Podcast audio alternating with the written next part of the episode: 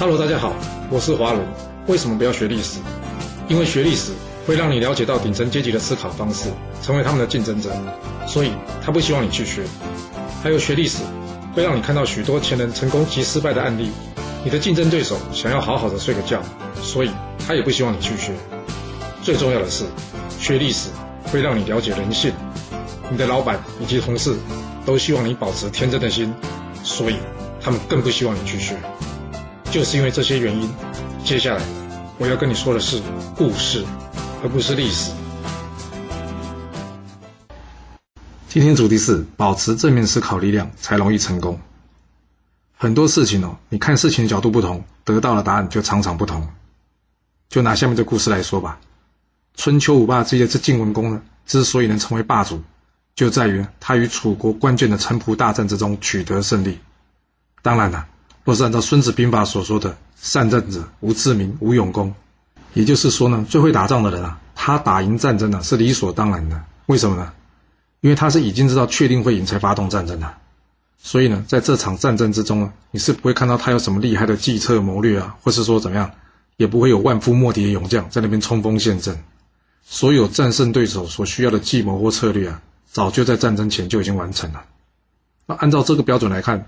晋文公以及手下将领并不算善战者啊。不过，因为当时晋文公已经垂垂老矣啊，若是他想要成为天下霸主、留名史书，恐怕没有时间可以等到他来慢慢准备跟安排了。所以呢，这与楚国大战啊，就变成他称霸诸侯的一种选择或是捷径了。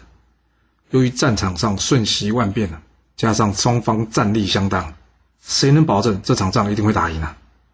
担心的晋文公难免会在开战之前睡不好，而这睡不好呢，梦就会多。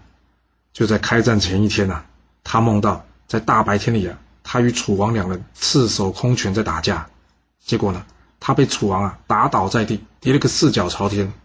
就在这时候，楚王扑了上来，将他压倒在地上，接着楚王猛力挥拳打爆了他的头，还吃起了他的脑。由于这个梦境啊实在太真实了。结果把这晋文公吓得冷汗直流啊！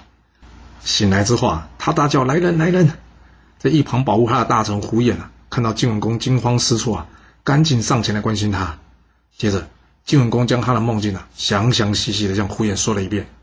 听完之后呢，胡衍马上说：“恭喜主公，贺喜主公啊！此战必胜啊！”诶，你想想看，怎么胡衍听完这个梦，就能得出会打胜仗的结果啊？我怎么听就只听出晋文公被打趴在地上，还被吃掉大脑。换句话说，这仗晋文公可能会像梦境中一样跌个四脚朝天，输得很惨。更糟糕的是，连首脑都没了，因为被吃掉了嘛。所以这晋文公可能会在这场战争中战死。哎，要是你跟我想的一样，那这场战争的结果恐怕晋国真的是要输了。要知道，打仗是需要靠士气的。而士气来源呢，有好多种，但最主要的一种就是你相信你一定会赢，所以战胜的信心及信念是非常重要的。要是胡眼像我这样解释，那对战胜的信心及信念会有多大的打击啊？啊，那要是你是胡眼，你希望增加老板的信心，你应该怎么解释这个梦啊？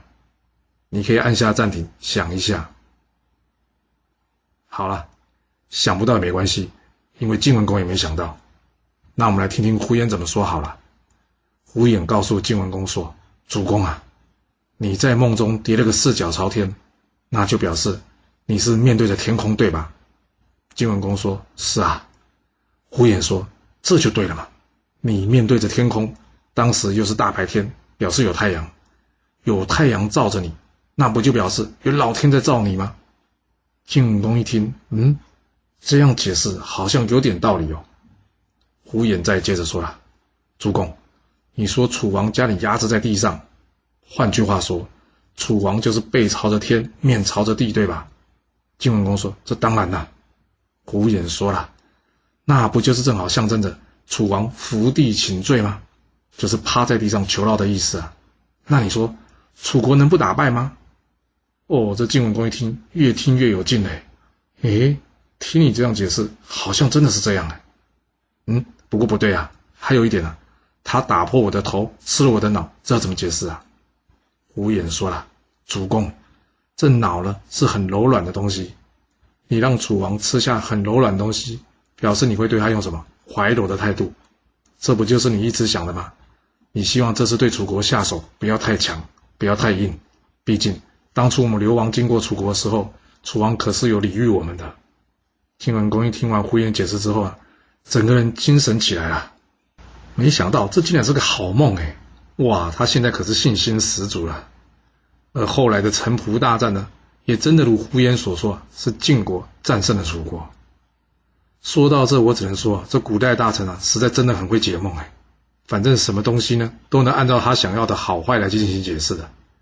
不过这样做并没有错啦，毕竟你得相信会成功，才能有机会成功，不是吗？信念或是正面思考力量，对人的影响是非常强大的。所谓成功的人找方法，为什么？那是因为。他相信他会成功，也相信确实存在着让他会成功的方法，所以不管经历多少次失败呢，他都愿意怎么样去尝试，去找寻新方法。要是一个人呢，你常常听到他说：“哎呀，这不可能”，而不是要怎么做才可能。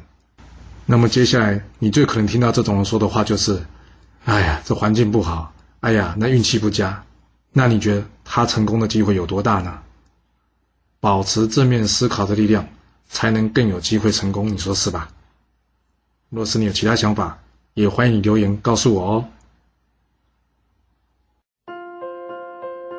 好了，我们今天先说到这。